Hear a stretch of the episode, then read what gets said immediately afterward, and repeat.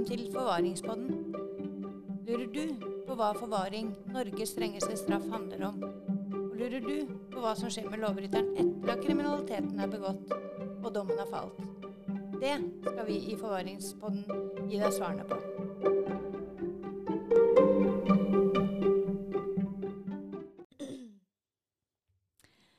Hei, og velkommen til Forvaringspodden. I dagens episode så er vi så heldige å ha fått med oss eh, Berit Johnsen. Hun er forsker igjen og prorektor på Kriminalomsorgens høgskole og utdanningssenter. Tidligere har hun jobba som ekstrabetjent i Oslo fengsel og som lærer ved KRUS, og frem til i fjor så var hun forskningssjef. Et av de mange kompetanseområdene til Berit, det er forvaring. Og temaet for dagens episode er teori møter praksis. Velkommen, Berit. Tusen takk. Og nå i dag, Berit, så skal vi jo som sagt snakke om det med forskning og teori og praksis. Og når det gjelder forvaring, da, hva var det egentlig som var intensjonen med forvaringsstraffen? Og, og hva har det blitt, hvis vi skal liksom dra noen linjer her? Den viktigste intensjonen var jo samfunnsbeskyttelsen. Den ligger jo der ennå. Men så er det jo innenfor det så har det jo skjedd ganske mye endringer. Og det som er interessant med forvaring, det er jo det at selv om den nå den eh, forvaringsstraffen har eksistert i 20 år, så har det skjedd en del endringer. Og Ragnar Hauge, som var en kriminologisk forsker, forska mye tidligere, han sier jo det at straffesystemet vårt endrer seg sakte. Men når vi ser på det over tid, så ser vi det at det skjer ganske store endringer. Og særlig sånn som i dag, hvor ting går så fort, så ser vi det at også forvaringsbestemmelsen har endra seg ganske mye. Og det var ganske mye som var diskutert før den trådte i kraft i eh, 2002, og så har det skjedd endringer også etterpå. Og så må jeg bare spørre deg om én ting, for det er jo en del usikkerhet rundt det med forvaring. For er jo forvaring en straff, eller er det en eh, særreaksjon? Oh. Og hva, det, ja, og hva er det som skiller da eventuelt en straff og en særreaksjon? Og der er det jo vi har hatt en, en av de store endringene. Og det er jo det at forvaring overtok jo sammen med de to andre særreaksjonene, tungen, altså overføring til tvungen omsorg og overføring til tvungen psykisk helsevern, så tok de over sikringsbestemmelser i 2002. Alle de tre reaksjonene, altså både forvaring, overføring til tvungen psykisk helsevern og overføring til tvungen omsorg, ble utreda som særreaksjoner. Det vil si det at de, det viktigste var det at det var, samfunns, var samfunnsvernet. Det var noe som var felles for dem. Men så var det da tenkt at forvaring skulle være for de tilregnelige, altså de som kan ta skyld, som ikke er syk eller psykisk utviklingshemmet, altså syk i form av psykotisk eller bevisstløshet og sånne ting. Og så sa man det at jo, men det å få en forvaringsstraff, det, eller få en forvaringsdom, da, den skal jo utholdes i fengsel, eller sones i fengsel. Og da vil man oppleve det som en straff. Derfor ble det en straff. Så det var det som var begrunnelsen for at man valgte å benevne forvaring som straff, fordi at de som fikk en sånn straff, ville oppleve det slik. Og så er det sånn at i Norge så har vi en veldig klar definisjon på hva straff er. Og straff det er et onde som du får, og den får du i den hensikt at du skal oppleve det som et onde også. Det er ikke behandling, det er påføring av et onde. Det skal vi aldri glemme. Og det er det store skillet mellom forvaring og de to andre særreaksjonene. Da. At de er ikke straff. Der er det samfunnsbeskyttelsen. Og så skal de da som dømmes til overføring til tvungen omsorg, overføring til tvungspsykisk helsevern, de skal til helsevesenet. Og de skal ikke påføre noe onde. ikke sant? Altså, ta fratatt friheten der også, eller du kan det, ikke sant? Hvis, du, hvis de ser det at du må det. Men der er det hjelpeperspektivet som, eller som er det viktigste. Men så sier du jo også at uh, straff er et onde, altså det er ikke en behandling. Eh, men forvaring er jo i aller høyeste grad en, eh, en type behandling, da, for den blir jo dømt til å endre seg. Mm. Og det står jo i lovverket rundt forvaring, at forvaring det skal ha en, et annet innhold enn en straff i vanlig forstand, en vanlig tidsbestemt straff. Og det handler jo om det at hvis du setter en person i fengsel fordi at vedkommende blir ansett for å være så farlig at den ikke kan være ut blant oss andre, for da tror vi at den vil begå ny alvorlig kriminalitet, eller han eller hun, så må jo den personen Vi kan, vi kan på en måte ikke bare lukte dem inn i fengsel og så si de at der skal du være. Vi har også en forpliktelse til å gi de en mulighet til å redusere den faren. ikke sant? Sånn at de kan bli løslatt og, og eksistere som et fritt menneske ute i samfunnet igjen. Så det må vi jo hele veien passe på at vi faktisk gjør. Og der kan jo også behandling være en del av det som skjer under en forvaringsdom. Og så er det også kjempeviktig at her i Norge så er det sånn at du kommer ikke i fengsel for å bli straffa. Du kommer i fengsel som straff. Straffen din er frihetsberøvelsen. Det er ikke jobben til de som jobber i fengsel å straffe videre. Da skal de hjelpe. Ikke sant? De skal sørge for at den dommen som du har fått, at den faktisk gjennomføres. Og innenfor de rammene der så skal man drive hjelpearbeid i form av rehabilitering, det kan være behandling, det er miljøarbeid, eh, det er arbeid, det er skole. Masse tiltak inn i fengselet som gjør det at, på, at forvaringsdømte har en mulighet til å komme ut i samfunnet igjen.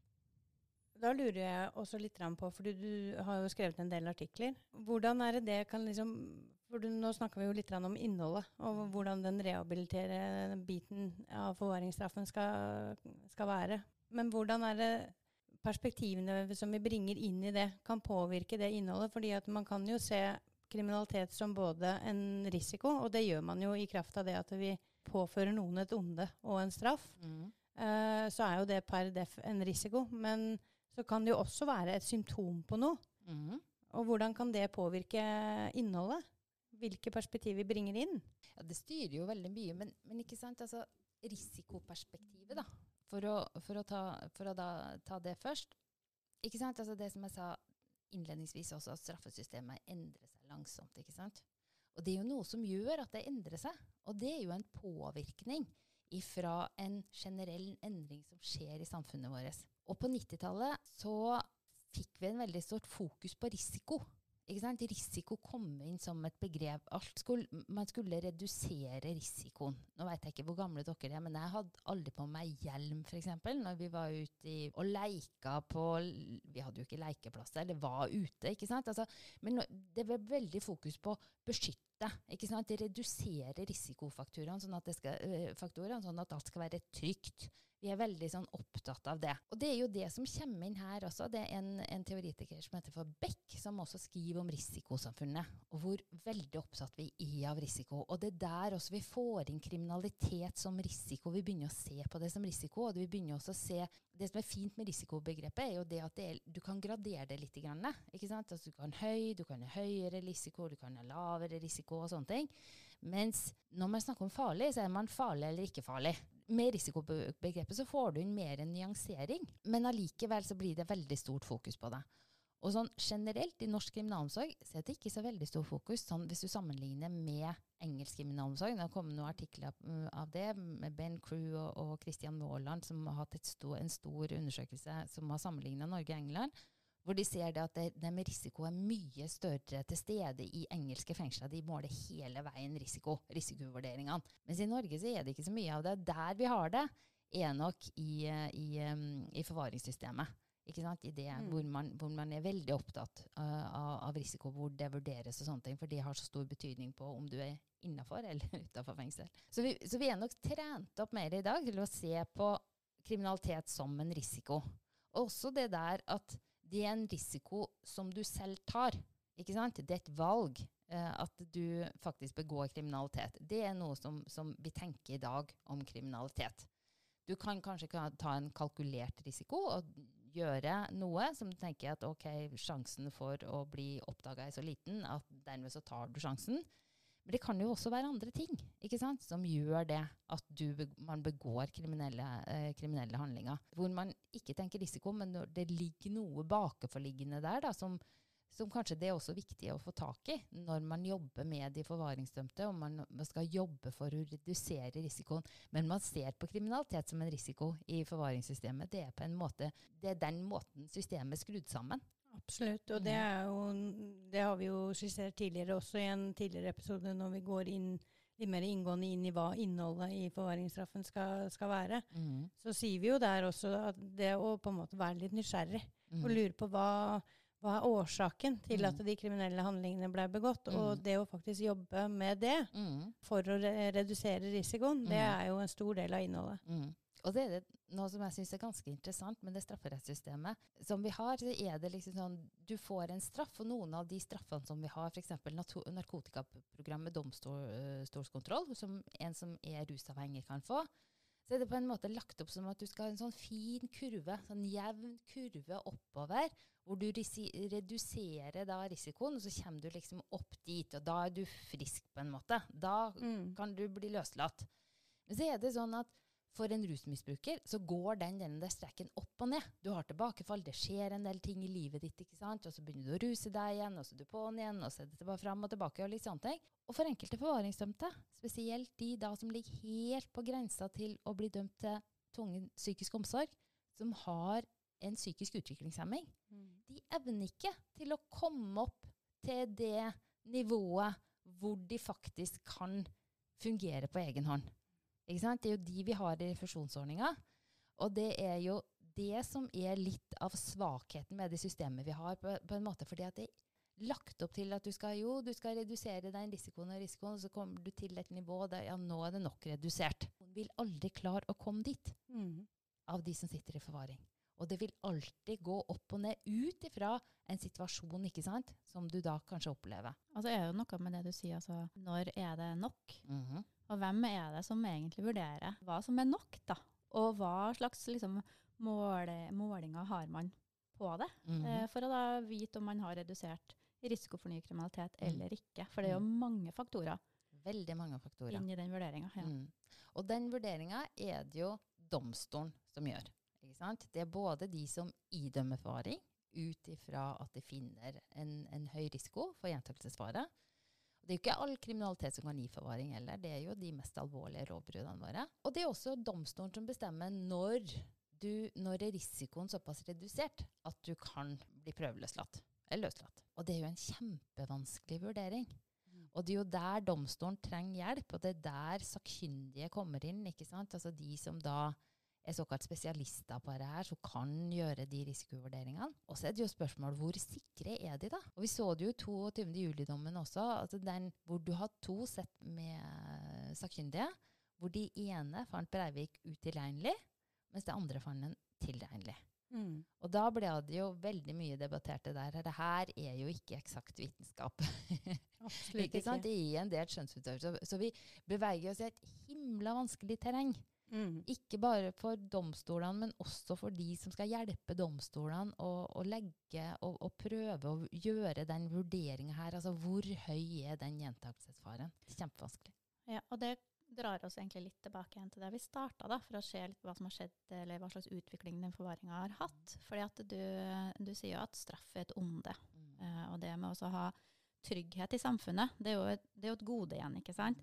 Og så er jo den der med risikoen uh, og domslengde. For her har det jo også skjedd noen ting. Mm. Uh, at man da velger å eh, inkapasitere det, eller ha innsatte i fengsel i, over en lengre periode enn kanskje først det som var ment. Mm. Så hva er det som har skjedd, skjedd her egentlig? Da må vi litt lenger tilbake. Da må vi tilbake til før 2002. Og det som skjedde da man drev og så utreda en, en ny forvaringsdom. For forvaring er ikke nytt. Vi har hatt uh, en bestemmelse i straffeloven som også uh, ga anledning til å gi forvaring fram til 2002.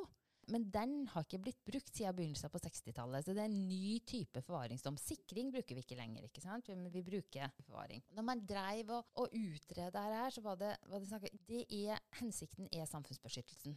Og det som avgjør om du får en forvaringsdom eller ikke, det er jo behovet for sam at samfunnet skal beskyttes. Og så er det da spørsmålet hvor lenge, ikke sant?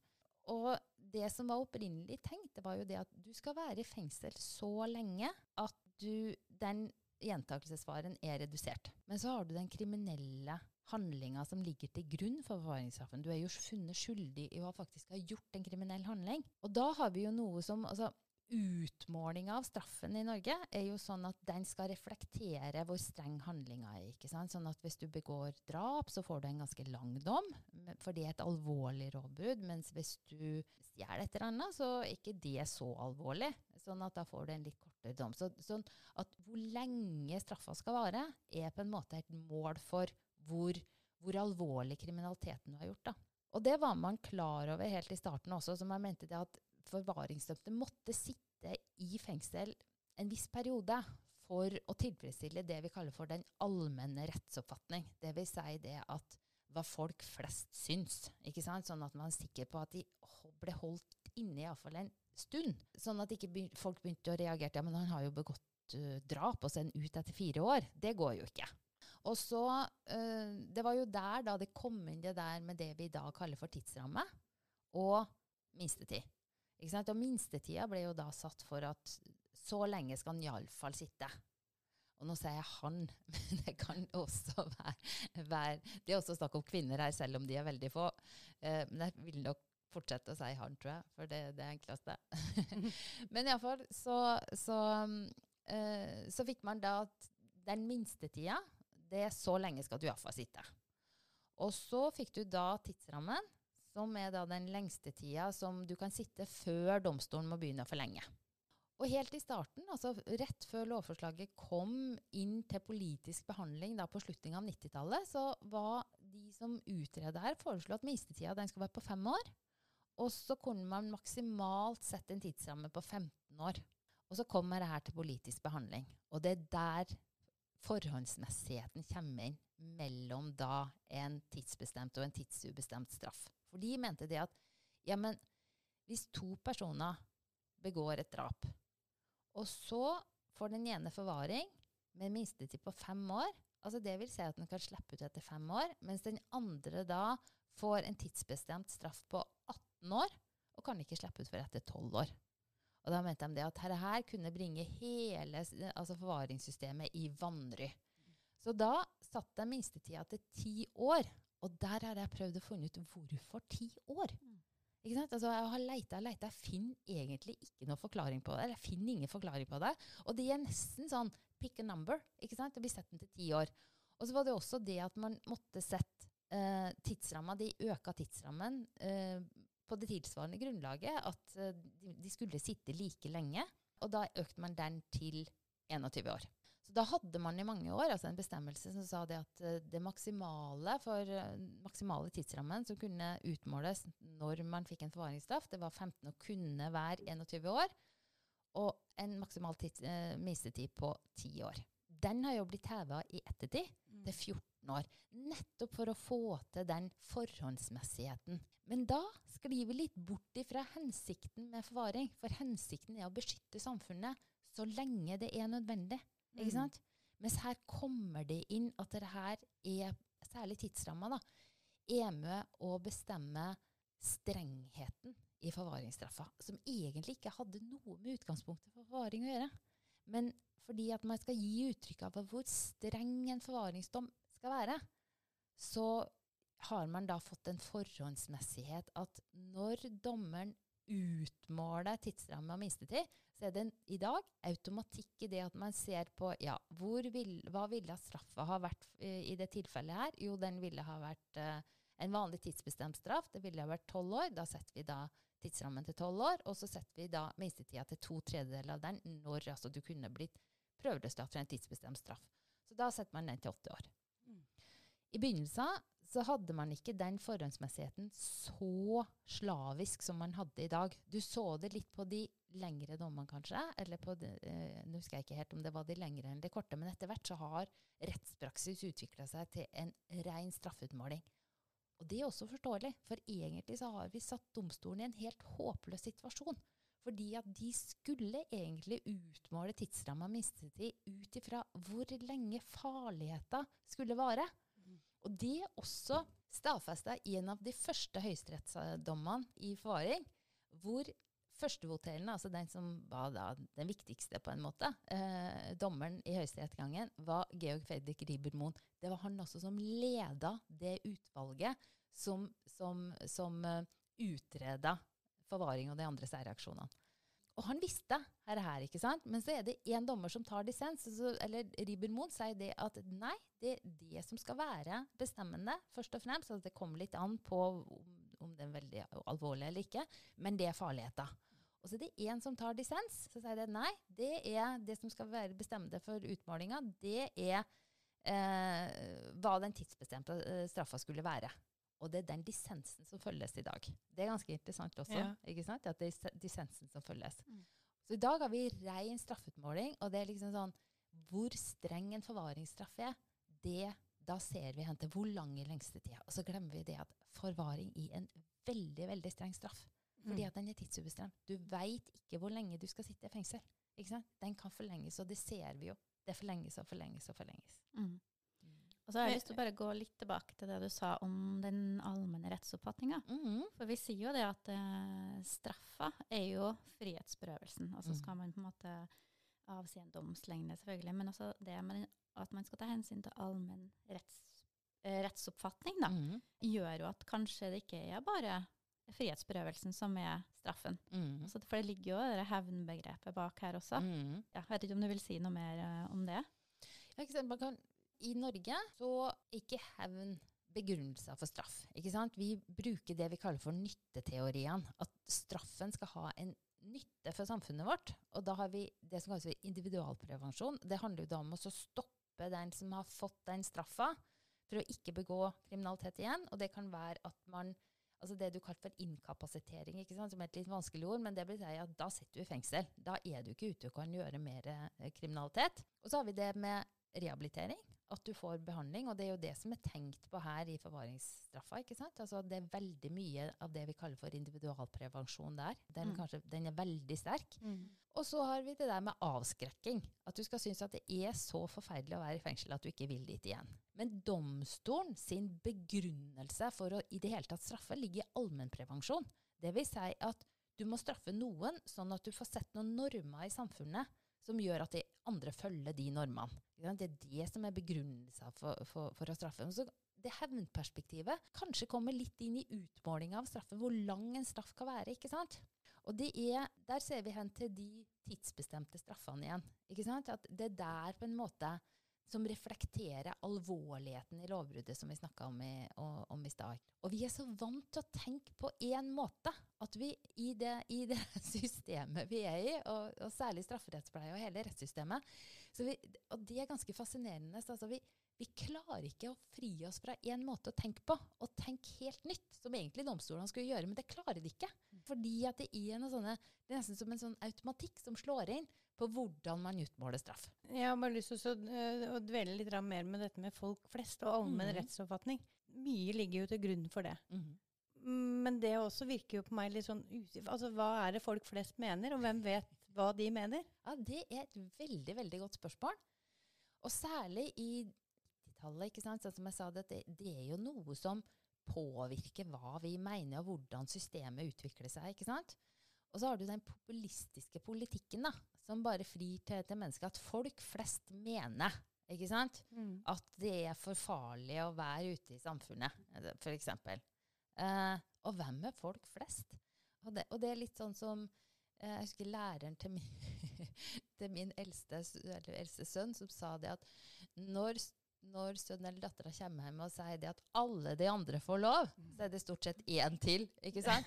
Det, og det er noe med her, her altså Vi veit ikke. ikke sant? Når vi snakker om snak, øh, folk flest eller alle de andre, hvem er de, og hva mener de, og er det noe sånn? at Det er, altså, det der er kjempevanskelig. Uh, mm. Og det der fins det jo studier på også. ikke sant? Og vi driver jo også med en studie på, nå hvor vi ser på den allmenne rettsoppfatning. Hva mener faktisk folk flest? Det er kjempevanskelig mm. å si det. ikke sant? Men det er en sånn vag antakelse, og som er også veldig mye kritisert, at det ligger på en måte til grunn for mye av det som bestemmer hvordan strafferettssystemet vårt er, særlig i forhold til ja, utmåling av straff og gjennomføring av straff. For, det, for det, den allmenne rettsoppfatninga regulerer også hva vi gjør i eller straffegjennomføringsloven. Der skal vi også ta hensyn til det. Og det er jo straffeloven som gjelder for forvaringsdømte når de gjennomfører eller soner forvaringsstraffa. Ja, og egentlig i alle risikovurderinger som Eller uh, i permisjonsspørsmål, mm. uh, frem, altså fremstilling, alt mulig, så skal jo vi hele tida ta hensyn til hva er allmenn rettsoppfatning. Mm. Men den er ganske interessant når det gjelder prøveløslatelse fra forvaring. For der kan man ikke ta hensyn til den. Domstolen kan ikke ta hensyn til den. Fordi at egentlig så er et spørsmål om prøveløslatelse et spørsmål om kan man faktisk holde den forvaringsdømte videre i fengsel. Fordi at hvis ikke vilkårene om nærliggende fare faktisk er der lenger, så kan den ikke holdes i forvaring. Da skal vedkommende løse, eh, prøveløslates. Mens når man vurderer en prøveløslatelse fra vanlig fengselsstraff, så vurderer man hva vil befolkninga synes om at vedkommende prøveløslates. Den kan ikke ligge til grunn når man skal eh, prøveløslate fra, eh, fra en forvaringsdom. Og det er jo kritisert, og det er jo det man ser på nå. Eh, om man skal samkjøre eh, prøveløslatelse fra forvaring og prøveløslatelse fra, van, eh, fra, fra vanlig dom. Og da er vi jo litt tilbake på det med innholdet da, i forvaringsstraffen. Og det står jo også at det skal kontinuerlig vurderes ikke sant, om det fortsatt vilkårene er til stede da, for at man Mm. kan ha en forvaringsstraff. Men vi ser på konkrete innhold, altså det som er behandlinga, altså hvordan man driver på med endringsarbeid. Mm. Eh, hva tenker du om at en så stor del av behandling og det end de endringsretta tiltakene skal foregå i et fengsel? For vi skal jo legge forholdene til rette, men fortsatt alt skal jo være i et fengsel. Mm. Og så skal vi også se på å ivareta samfunnsbeskyttelsen. Så det er jo veldig komplekst, det her. Veldig komplekst. Ja. Og det er jo, altså Da er vi inne i det der klassiske dilemmaet som jeg tror man har diskutert i alle tider. altså straffbehandling. ikke sant? Og man vet det ifra, ifra helse da, at det der med tvangsbehandling en fryktelig dårlig utgangspunkt for å få folk til å endre seg. Det er jo det vi holder på med. De må, eller de, du må gjøre noen ting, ellers så blir du her. Og det er jo det at fengselet er der, ikke sant? Altså, straffen ligger jo i altså det, Ila eksempel, er jo et høysikkerhetsfengsel. Det er jo også uh, Bredtvet, som da har kvinner, og også Trondheim, som, som har forvaringsdømte menn. Det er høysikkerhetsfengsel, ikke sant? med massevis. Det er murer, det er dører. Jeg vet ikke hvor mange dører dere må gå gjennom og låse opp og igjen før fra dere kommer inn ikke sant? Altså, Mm. til dere er på en avdeling. Det er jo mange. Og hele det der arkitekturen, det materielle utforminga av et fengsel, gjennomoses jo av mistillit. Vi tror jo egentlig at den blir stikket av hele tida. Det er jo derfor vi har murer og gjerder og dør på dør på dør på dør som er, som er, som er lukka. Og et sånt system, selv om dere som fengselsbetjenter jobber og bygger tillit og bygger tillit fra dag én, det er jo noe av det viktigste dere gjør, så er det noe med at systemet jobber jo mot dere, for det sier jo egentlig at vi stoler ikke på det. Vi går fra deg nå, så tror vi jo det at du vil bare stikke av eller gå en plass som du ikke har lov til å gå. Altså Det er veldig regulert, ikke sant. Det er vanskelig å få til den der, da, og det er jo der man har også den diskusjonen med skal andre enn de som er ansatte i fengselet gjøre den, det endringsarbeidet, hvor det er tillit. Og her i Norge så har vi jo det som kalles for importmodell, sånn at som er sykepleiere og er lærere i et fengsel, de er jo ikke ansatt av fengselet. De er jo ansatt av skolen ute og helse helsestrukturen ute, eller i den kommunale helsetjenesten. ikke sant? Og så har man også andrelinjetjeneste inn, ikke sant? som er hjelpere. Ikke sant? Som ikke skal passe på at det ikke stikker, som, som da en fengselsbetjent altså, eller gjør noe ulovlig da, inni den eh, for, for i et sånt, i et sånt lukka system så skal fengselsbetjenten hele tida passe på at det er en av oppgavene at rett kropp er på rett plass til rett tid. Og du teller og du følger hit og dit og i det hele tatt. ikke sant? Det er jo noe av det viktigste man gjør i, en, i et lukka fengsel eller i et fengsel med høyt sikkerhetsnivå. Mens det der slipper jo egentlig en sykepleier eller en lærer å tenke på, ikke sant? eller en lege. Så de har et helt annet utgangspunkt igjen, og er mye lettere. Og det er taushetsplikt. Det har jo også, også fengselet sine ansatte. Men allikevel, ikke sant, de, de kommer inn på et helt annet utgangspunkt. Men så vet vi også det at norske fengselsbetjenter er himla god på dette her, å få til den tilliten og få knekt den koden opp mot den enkelte og få vedkommende til å forstå hva det er som skal til. Noen er det lett å jobbe med, vil jeg tro, mens andre det vil ikke. Mm. Ikke? Fordi at de føler seg mistenkeliggjort og har et eller annet hunch på at de, prinsipp da, på at de ikke vil, uh, vil slippe fengselet for tett inn på dem og la de få styring også. Det, og på en måte så er det også forståelig. Vi må, det må vi Ja. ha litt i, i bakhodet hele veien. Helt enig. Og det som er egentlig ganske interessant i det her, fordi nå har jo du eh, nevnt dette med hvordan det gjerne er på høysikkerhetsfengsler. Mhm. Jeg jobber jo på et fengsel med lav sikkerhet, Ja. og det er jo også ganske interessant når det da kommer folk fra høy sikkerhet og til oss, og så på Berg så er det sånn at det der blir de gjerne arbeidsplassert eller sysselsatt på tøylager og en liten systue. De første dagene, det er en sånn eh, veldig fin plass å eh, komme til ro på. Eh, hun som jobber der, hun er veldig opptatt av at de skal være selvstendige, de skal få stelle i stand rommet sitt sjøl. Mm. Så den første dagen så får de ofte med seg en eh, skrutrekker eller eh, ulike former for verktøy for å henge opp da enten noen hyller eller et eller annet sjøl. Sånn, og, og de skal ordne med gardiner og, og sånne ting sjøl, og få med seg da verktøy for å ordne det her. Og Mm. bare der så blir de så stressa. Ja. Kjempestressa, for at dette er de jo ikke vant med. Og da har de jo plutselig fått masse tillit, og så tror jeg det kan, ja, om det er det at det bare liksom Det går litt sånn opp for dem at oi, gud, nå er det nå, Nei, jeg vet ikke Mm. helt hva det, hva det er, Ja. men de blir skikkelig stressa. Ja, stressa. Tenk på den usikkerheten, da. Ja. For de veit ikke. altså I et høy, eh, høysikkerhetsfengsel altså, er det jo veldig lett å forstå hvor rammene er. Ikke Mm. sant? Men så kommer du plutselig Og det skjer det fra en dag til en annen her. Så kommer du i et regime på Hva er reglene her? Kan jeg gå dit helt alene? Jeg kan bare gå hvis jeg vil, ikke sant? Altså, Mm. og, det er jo, og det er der jeg tenker De gjør jo ikke det. Ikke sant? De som, de som er på lavsikkerhetsfengsel også, ikke sant? selv om det ikke er gjennom mura der, selv om det kanskje er et gjerde som du klatrer over så lett så bare det. Står oppe og det portet så, de kan jo bare gå, men de gjør jo ikke det. Nei. Og det så du jo også med den rømninga av den forvaringsdømte ifra, ifra Trondheim, hvor andre innsatte sier det at stakkars, altså nå ødelegger en veldig mye for seg sjøl, for det skjønner de jo.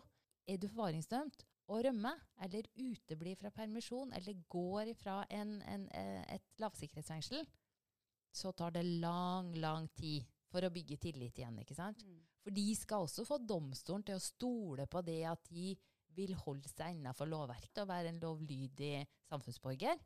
Og det viser du ikke ved å utebli fra permisjon eller uh, stikke av fra et fengsel eller noe sånt. Så, og det der vet de veldig, veldig godt. Mm. Og så kan vi jo, vi skal ikke diskutere det her, da, men så kommer jo også an på hva de gjør Mm. uh, når de stikker av. Men uh, for å gå litt sånn tilbake til dette med vurderingen av uh, forvaring, da, og, og hvordan man på en måte vurderer lang tid fram, for det er jo egentlig det man gjør. Når man velger å ilegge en forvaringsstraff, så, man, så sier man jo egentlig at det, Og sier man da kanskje får 15 år, da, så sier man jo det at det, på tross av at vi nå velger å altså låse deg inn nå i 15 år, så er vi usikre på om hvorvidt du kommer til å gjøre nye handlinger, kriminelle handlinger som da vil være forvaringskvalifiserende da, Mm.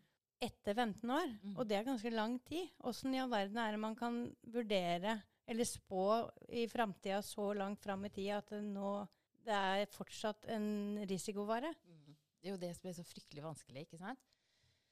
Og det er jo der som gjør det litt forståelig til at det har blitt en ren straffeutmåling også i, i forvaringsstraffa. Da. Fordi at det domstolen gjør, den, den skal jo se Ja, for det dom, lovbruddet her så får du tolv års fengsel, f.eks. Men vi tror det at etter de tolv årene så vil det fremdeles være en gjentakelsesfare. Det er det de skal gjøre, ikke sant. Og da setter de da tidsrammen til tolv år, for da vet de det at da får de en ny prøving. Da må retten inn og prøve igjen, ikke sant. Og det, og det er jo lagt inn liksom sånne skranker da, underveis, ikke. Ikke minst det der med eh, minstetida. Når, minstetida, når du er ferdig med å sone minstetida, så kan du søke deg prøveløslatt. Og får du da avslag, så kan du ett år etter rettskraftig dom søke på nytt igjen.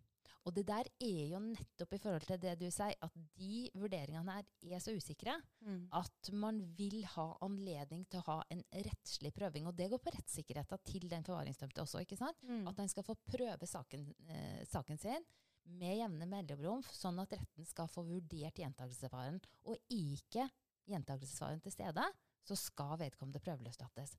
Og så er det også en dom, den er fra lavere instanser, altså ikke fra Høyesterett, som sier det at forvaring skal beskytte mot alvorlig kriminalitet. Ikke all mulig kriminalitet. Så der går også en sånn grense og en litt sånn forskjell fra en, en, en forvaringsdom, en tidsbestemt dom. For der, når kriminalomsorgen vurderer om vedkommende kan prøveløslates for en tidsbestemt dom, så ser de jo på all mulig kriminalitet. Mens forvaring skal bare beskytte mot den mest alvorlige eh, kriminaliteten. Og det er jo også forvaringsdømte som ja, etter å ha sona ferdig en forvaringsdom, prøveløslatt, så begår de f.eks. narkotikakriminalitet, som gir en lang dom. Fem, seks, sju, åtte år. Mm. Er det tilbakefall mm. fra forvaring? ikke sant? Mm. De begår en ny type kriminalitet som ikke kan gi en forvaringsdom. Og det er ikke det forvaring skal beskytte mot. Men det å bli litt sånn rart, for i ene øyeblikket så er det så farlig at der må, der må du beskyttes for, samfunnet må beskyttes fra deg.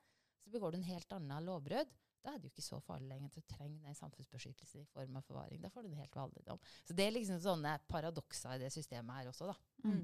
Men forvaring er jo også en sånn kan-bestemmelse. Mm. Og så Retten er jo ikke forplikta på en måte til å ilegge en forvaringsstraff. Men mm. hva er det som hva er det som viser seg å være avgjørende, da? Bortsett fra det med alvorligheten, ikke sant. Mm. Men alvorligheten, og der har du en høyesterettsdom også som sier det at ja, det er en kan-bestemmelse. Men kan man også idømme forvaring, så skal man ha en, har, en, en, har også retten plikt til å gjøre det. Når man antar at uh, gjentakelsesfaren er nærliggende, som står i loven, og som de har operasjonalisert til å bety at den skal være kvalifisert og reell. Og når de finner ut det, så kan de nesten ikke la være å idømme for, uh, forvaring også. ikke sant? Så De har også en sånn plikt på seg der. Men det de ser på, altså rundt det der som vi snakka om litt tidligere, også det med fa farlighetsvurdering Det har vært masse diskutert med hvor stor sikkerhet kan man predikere gjentakelsesfare. Og man har jo vært veldig redd for de falske positive. Vil si at man tror de vil begå ny kriminalitet, og så gjør de det ikke. At man predikerer feil, rett og slett, og man må holde folk inn i fengsel på helt uberettiget eh, grunnlag.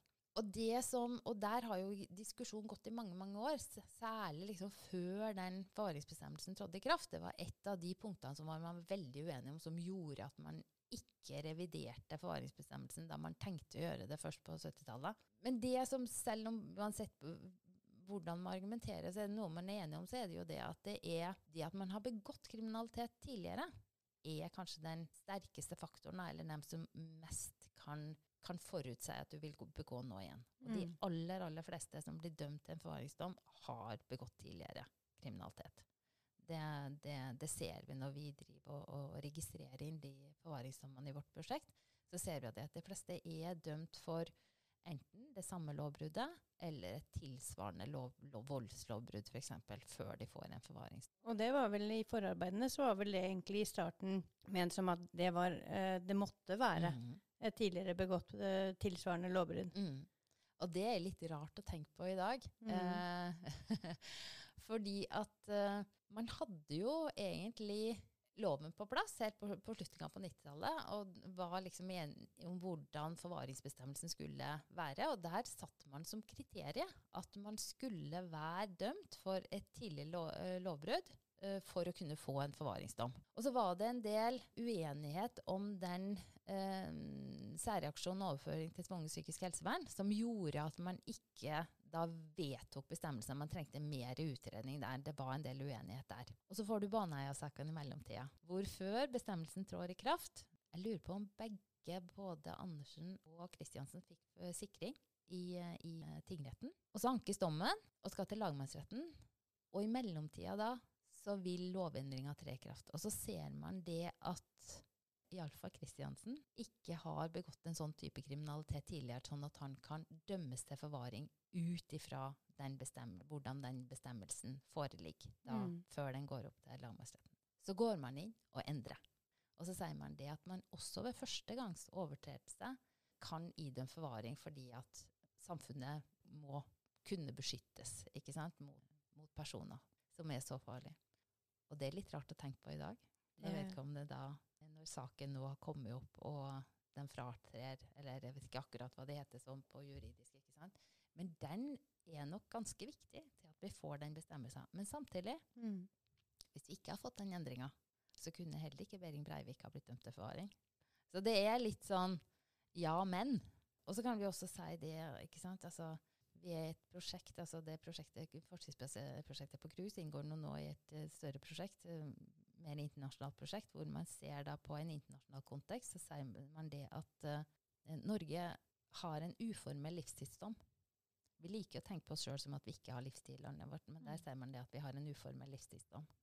Og det er nok det man har også. Og så er Mm. det sånn Er det fair, på en måte, å si at sånn utad at vi har ikke livstid i Norge, når vi egentlig har det? Mm.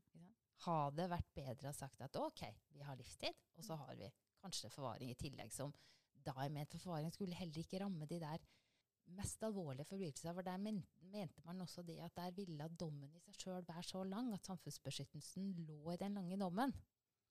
Uh, og det ser man jo, de aller fleste forvaringsdommene ligger sånn mellom fire til åtte år. Men så har du da de veldig lange, og det er de som man leser om i media og sånne ting. Men hadde det da vært mer fair, på en måte? Mm. Jeg veit ikke. Jeg tenkte det at, Og heller si det at ja, men du får livstid. Sånn er det. Og så får vi praktisere det som andre land gjør, at du kan bli prøveløslatt. Eller ja, altså det, det er noe som skurrer her. Altså vi, vi Mm. sier noe som vi da ikke har. Men jeg syns også det er mer fair å si det som da i en internasjonal kontekst, at man sier det at man har en uformell dom. For den kan være i livstid. Men du sier noe om at det er, er lange forvaringsdommer. Men vi har jo også den, det dilemmaet med de korte forvaringsdommene. Der det, de er så korte at det blir jo ikke satt en minstetid engang. ikke sant? Mm. Altså, da opplever vi ofte også at da blir det eh, ikke automatisk, men det blir ofte forlengelser. Fordi at man ikke rekker det endringsarbeidet da, som Mm. er på, Mm. påkrevd. Som også på en måte ja, gjør noe med rettssikkerheten. Mm. Ja. Helt klart, altså. Og, det, og i og med at det også ble rekna for å være en straff, så har du krav på varetektsfradrag. Mm.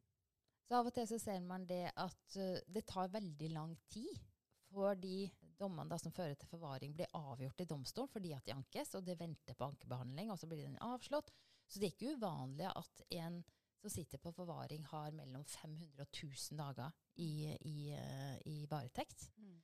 Og når du da drar trekker fra det på en dom på tre år, Mm. da er du nesten tilbake Da er du ferdig sona nesten før du har en rettskraftig dom. Mhm. Og det er jo kjempevanskelig. ikke sant? Og du veit jo ikke om du vil få en rettskraftig forvaringsdom. ikke sant? Så det er ikke sikkert at det blir um, overført til en forvaringsanstalt altså før, for å sone den dommen. Det kan hende at de er ferdig sona i Ålesund fengsel når, de da, når dommen er rettskraftig. Så den er jo utrolig vanskelig. Nå er det ikke så mange dommer som ikke blir satt, og det er jo egentlig det samme om domstolen setter ingen, ingen minstetid eller ett år mistid, Det er jo akkurat det samme.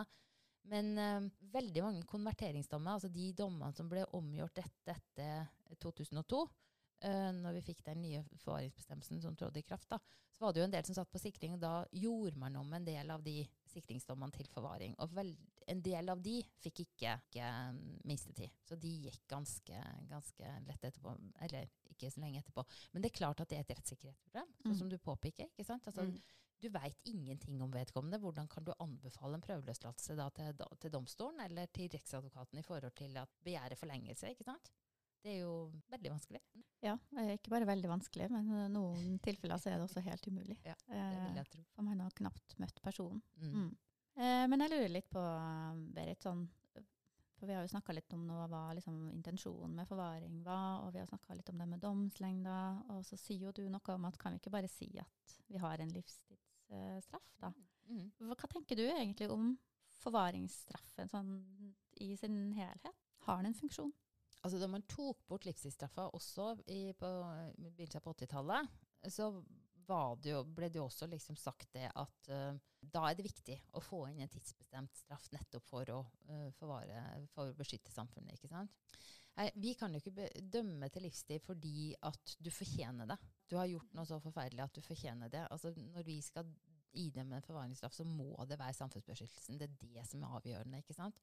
Så sånn sett så, så er det en annen grunn da, eh, til, til å holde deg der. Um, men så har vi det jeg tror vi skal være aller, aller mest obs på når det gjelder forvaringssystemet i dag, som for så vidt skjedde med sikringa, det er det at det går inn i en rutine og et løp hvor man går i den ene hverdagslige um, jobbinga og mister kanskje litt av prinsippene, og mister litt grann av hva var det nå her egentlig skulle være, da? Ut Mm. av syne. Mm. Eh, ikke sant? For på, på slutninga av sikringstida også, så sa man jo Sikring var jo ikke straff. Man, men man fikk da en tidsbestemt straff pluss sikring etterpå. Og når man gikk over fra å sone straff til sikring, så var det jo akkurat det samme. Det var jo det også eh, de som da satt på sikring, kritiserte. ikke sant? Og vi er litt der nå, syns jeg. eh, at veldig mye av forutsetningene som lå der for innholdet da, i forvaringa, ikke sant? Du skal bedre bemanne avdelinga. Du skulle ha et annerledes innhold. Det krever ressurser. Mm. Det har man ikke i dag. Det var tre på hver avdeling på Ila da man starta opp, starta opp den første forvaringsavdelinga. Hvor mange er dere i dag? Vi er to. Og så man skulle ha miljøterapeuter. Et vel, en veldig viktig forutsetning var også det at man, man skulle ha et tverrfaglig team som jobba rundt den forvaringsdømte. Mm. Hvor man hadde forskjellig fagekspertise, hvor, hvor fengselsbetjent var en av de flere fagekspertisene. ikke sant? Men på grunn, altså nå kutter vi. Kutter og kutter og kutter. Og det, det gjør noe med tilbudet, men jeg tror også det gjør noe med de som jobber rundt de forvaringsdømte. ikke sant? Altså, jeg tror det at dere har lyst til å gjøre veldig veldig mye og ser muligheter her, men som ikke det er mulig å få gjort. Fordi at man kan ikke dra ut på fremstilling. Det er for lite folk. Så den delen der er Og det der ble kritisert ganske rett etterpå. Eh, fra, fra Ribe Moen også, som satt og, og, og, og leda det særreaksjonsutvalget som utreda det siste lovforslaget. Eh, som sa det at eh, den lever ikke til, opp til den straffen, den lever ikke opp til de forutsetningene som var satt Mm. da den trådte i kraft. Og der skal vi være veldig, veldig veldig forsiktige. Litt tilbake til dette, altså skulle man heller bare kalt det en livstidsstraff altså, Mm. og, og latt det være med det. Men da på en måte sier vi jo også at vi ikke egentlig tror på endring. Mm. Og det kjenner jeg rokker litt ved meg. Ja. For det er kanskje det som gjør at jeg elsker jobben min. Mm. Men, men, men det ligger noe der at vi har, vi har et ansvar for samfunnet, men vi har også et ansvar for individet som dømmes til forvaring. Uh, og den rettssikkerheten som vedkommende skal ha, det vil si at det skal være forutsigbart. At han skal vite hvilke rammer vedkommende han har å forholde seg til. ikke sant? Eh, og når de ikke er oppfylt, så er det noe feil. For det er klart at en forvaringsplass koster mer enn en vanlig, vanlig soningsplass. Mm. Du skal ha et annet innhold, du skal ha et annet apparat rundt deg for at du i det hele tatt skal slippe ut. Og så klarer man ikke det der. Og det, det er rett og slett bare trist, og det er noe som vi aldri må glemme. Og det er derfor det er så viktig også å ha den debatten om forvaring oppe til diskusjon i samfunnet hele tida. Mm, er. At vi ikke glemmer den. At vi har en reaksjon som krever noe ekstra av oss, og som samfunnet må vite om og gjerne engasjere seg i. Mm. Kjempeviktig. Og så er det jo en annen side av det her også, fordi at uh, dem som får en forvaringsstraff, uh, har jo også, også mange komplekse diagnoser, ikke sant. Så det er jo også den, den derre både evne og, vilje uh, til endring. Og vi Mm. ser at det er jo veldig mange som får en forvaringsstraff som er i grensa i forhold til det med, med tvungen psykisk helsevern eller Mm. tvungen omsorg. ikke Mm, sant? Og så, ja. og så nevnte jo så vidt det med statlig, statlig refusjon. Mm. Sånn at det jo gjør jo, eller kan være med på å gjøre det endringsarbeidet eller forvaringsarbeidet utfordrende. da. Veldig utfordrende. ikke sant? Og du, du jobber, jeg vil tro at dere jobber en del med syke folk. Dere jobber med en del som har begrensa kognitiv evne. ikke sant? Altså, de, de forstår ikke. De fungerer kanskje noen av dem på, på et nivå med, med barn. da. Og der er det ikke så mye å hente. ikke sant? Og det, det er jo TV 2 som har hatt uh, fokuset på den statlige refusjonsordningen, hvor dyrt, Mm. det med, hvor dyrt det er og sånne ting. Men det her er folk som må ha oppfølging 24-7 uansett. Så om det er justissektoren som betaler for det, eller om det er uh, helse eller sosial Altså whatever. De ville ha kosta samfunnet like mye uansett, for de trenger den oppfølginga. Uh, og det er da jeg liksom lurer på det at samfunnet tar ansvar, da. Ikke sant? Altså, de ikke Vi holder altså, Og det syns jeg er noe av det største rettssikkerhetsproblemet vi har med forvaring.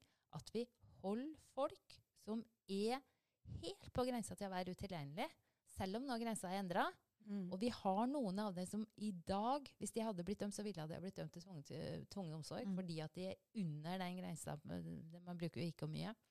Som holdes i straffegjennomføring. Og de har vært under straffegjennom i 10-20-30 år. Mm. Og så kan man si det, hva er det etiske ved det? Hva kan vi som velferdsstat, og sånn som vi liker å se på oss sjøl, kan vi stå inne for det? Og det er det, det jeg tenker også i den jobben som jeg gjør, når jeg sitter og skriver, og hva jeg skriver, og sånne ting, så tenker jeg at det er skrevne ord. Det vil stå der for bestandig. Når jeg er 70 er ikke så langt, men, men ikke sant, altså, om 10 år, 20 år, da skal jeg fremdeles lese det der og tenke det at det står jeg inne for fremdeles. Mm. Selv om det endrer seg. ikke sant? Og det er noe som Kan jeg se meg sjøl i speilet og så si det at jo, sånn syns jeg det skal være. Mm.